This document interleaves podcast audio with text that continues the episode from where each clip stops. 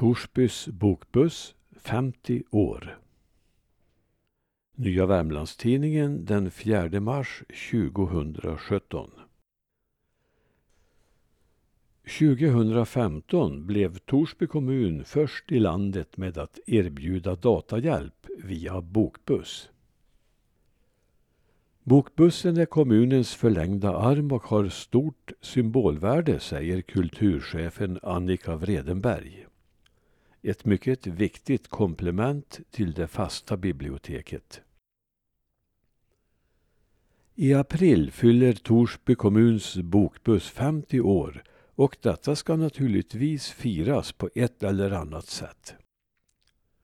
Exakt hur det ska gå till är inte klart när dessa rader skrivs ner.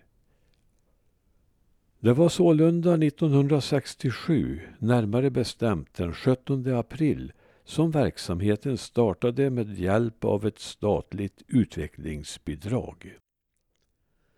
Från och med detta år sorterade Östmarks och Vitsands bibliotek under Torsby, där ett nytt och modernt bibliotek fanns.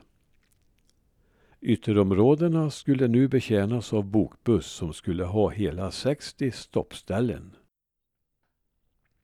Första turen gick till Sörmark och sedan dess har det rullat på. Mil efter mil. Tidningarna berättar om ökad utlåning och succé och visar bilder på chauffören Bertil Jonsson och bibliotekets Britta Hellgren, Ann-Marie Johansson och Anita Wannevik, som fyller bussen med litteratur. Ett par år senare berättar tidningsrubriker att bokbussen blivit glesbygdens välsignelse.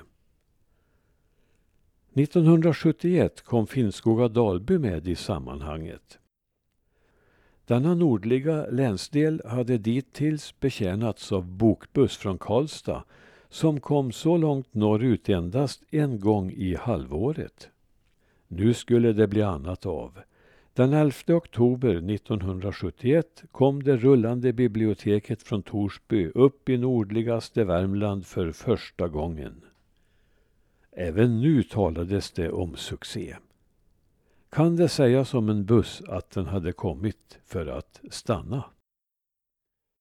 Vilket politiskt spel som föregick förlängningen av turerna till Finnskoga Dalby vet vi inte men man kan tänka sig att det ingick i planerna på att närma kommunerna inför den förestående sammanslagningen 1974. Andra alternativa kommunindelningar diskuterades men det blev som bekant Torsby som drog till sig ytterområdena. Frikostiga bokbusstjänster kan ha haft sin betydelse. 1974, året för sammanslagningen, kom också dittillsvarande kommunen Norra Ny med på bokbussens turer. I samband med att detta mobila bibliotek rullade runt i bygderna lades de små boklådorna i småbyarna ner.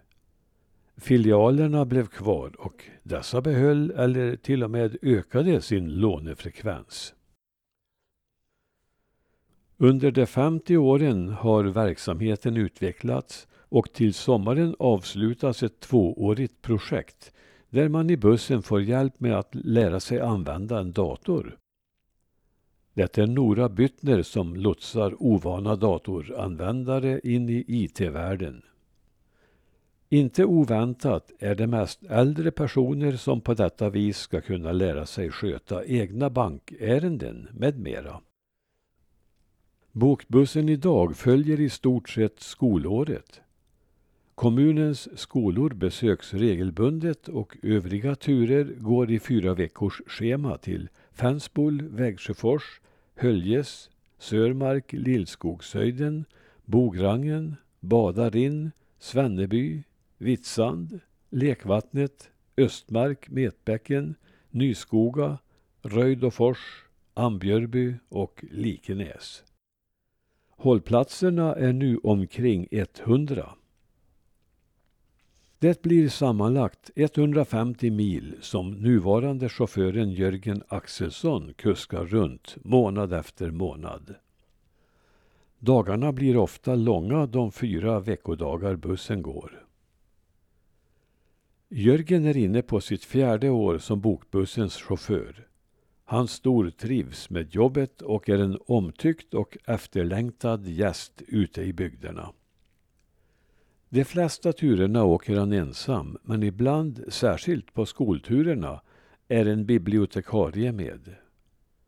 Han tycker om att prata med folk och det är en viktig del av arbetet.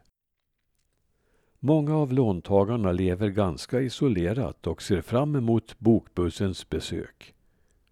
Den sociala funktionen betyder mycket.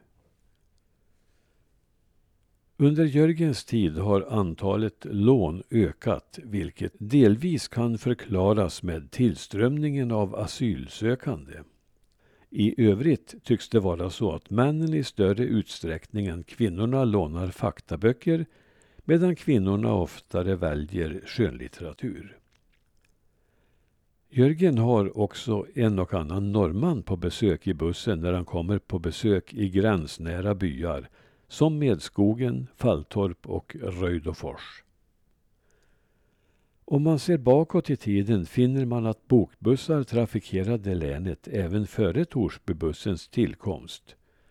Men då var det fråga om länsbuss som på sina långturer kom till de nordliga bygderna en gång i halvåret. Då gällde det att förse sig med böcker så det räckte till nästa besök. Några låntagare kom med resväskor. En som jobbade på en sådan buss redan 1969, innan Torsbybussen hade turer till Finnskoga-Dalby, var bibliotekarien Eva Fredriksson i Karlstad. Med inhyrd buss och chaufför åkte man runt i länet två veckor på våren och två på hösten. De två veckors perioder man var ute på turné övernattade man på diverse hotell med rimliga priser. Vid frukosten bredde man smörgåsar för dagens behov och till dessa dracks kaffe som tillagades över ett spritkök på golvet i bussen. På kvällen unnade man sig en rejäl middag. Eftersom bussen saknade toalett fick man vid mer hastigt påkomna behov söka upp ett lämpligt buskage intill vägen. Det hände att man gjorde en avstickare över norska gränsen för att passa på att handla när man ändå var nära.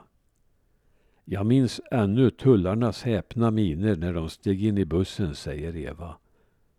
Någon bokbuss hade de aldrig förut varit inne i. Vid ett tillfälle kunde det ha gått riktigt illa. Det var när bussen råkade komma in på en specialsträcka i ett rally. Men det gick bra den gången också. Dagens bokbuss slipper dessa tunga tvåveckorspass och kommer betydligt oftare ändå. En landsbygdsservice som är mycket uppskattad och som vi hoppas få behålla. Jag väljer att gratulera 50-årsjubilaren med en 70-talsdikt av Finnskogens fine poet, min gamle vän och kollega Axel Skippy Andersson.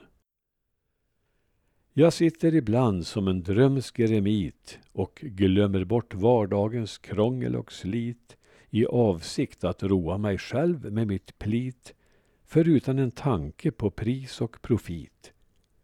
Jag fyller små ark i min rimsmidarflit och tror nog ibland att jag lyckats få dit en smula av sprängstoff, ett grand dynamit en fullträff i stil med vår skrivarelit. Så kommer då samhällets bokbuss hit var tredje vecka på glesbygdsvisit. Jag lånar Alf Henrikssons Bit för bit och ser att det mesta jag skrivit är skit. Länge leve bokbussen!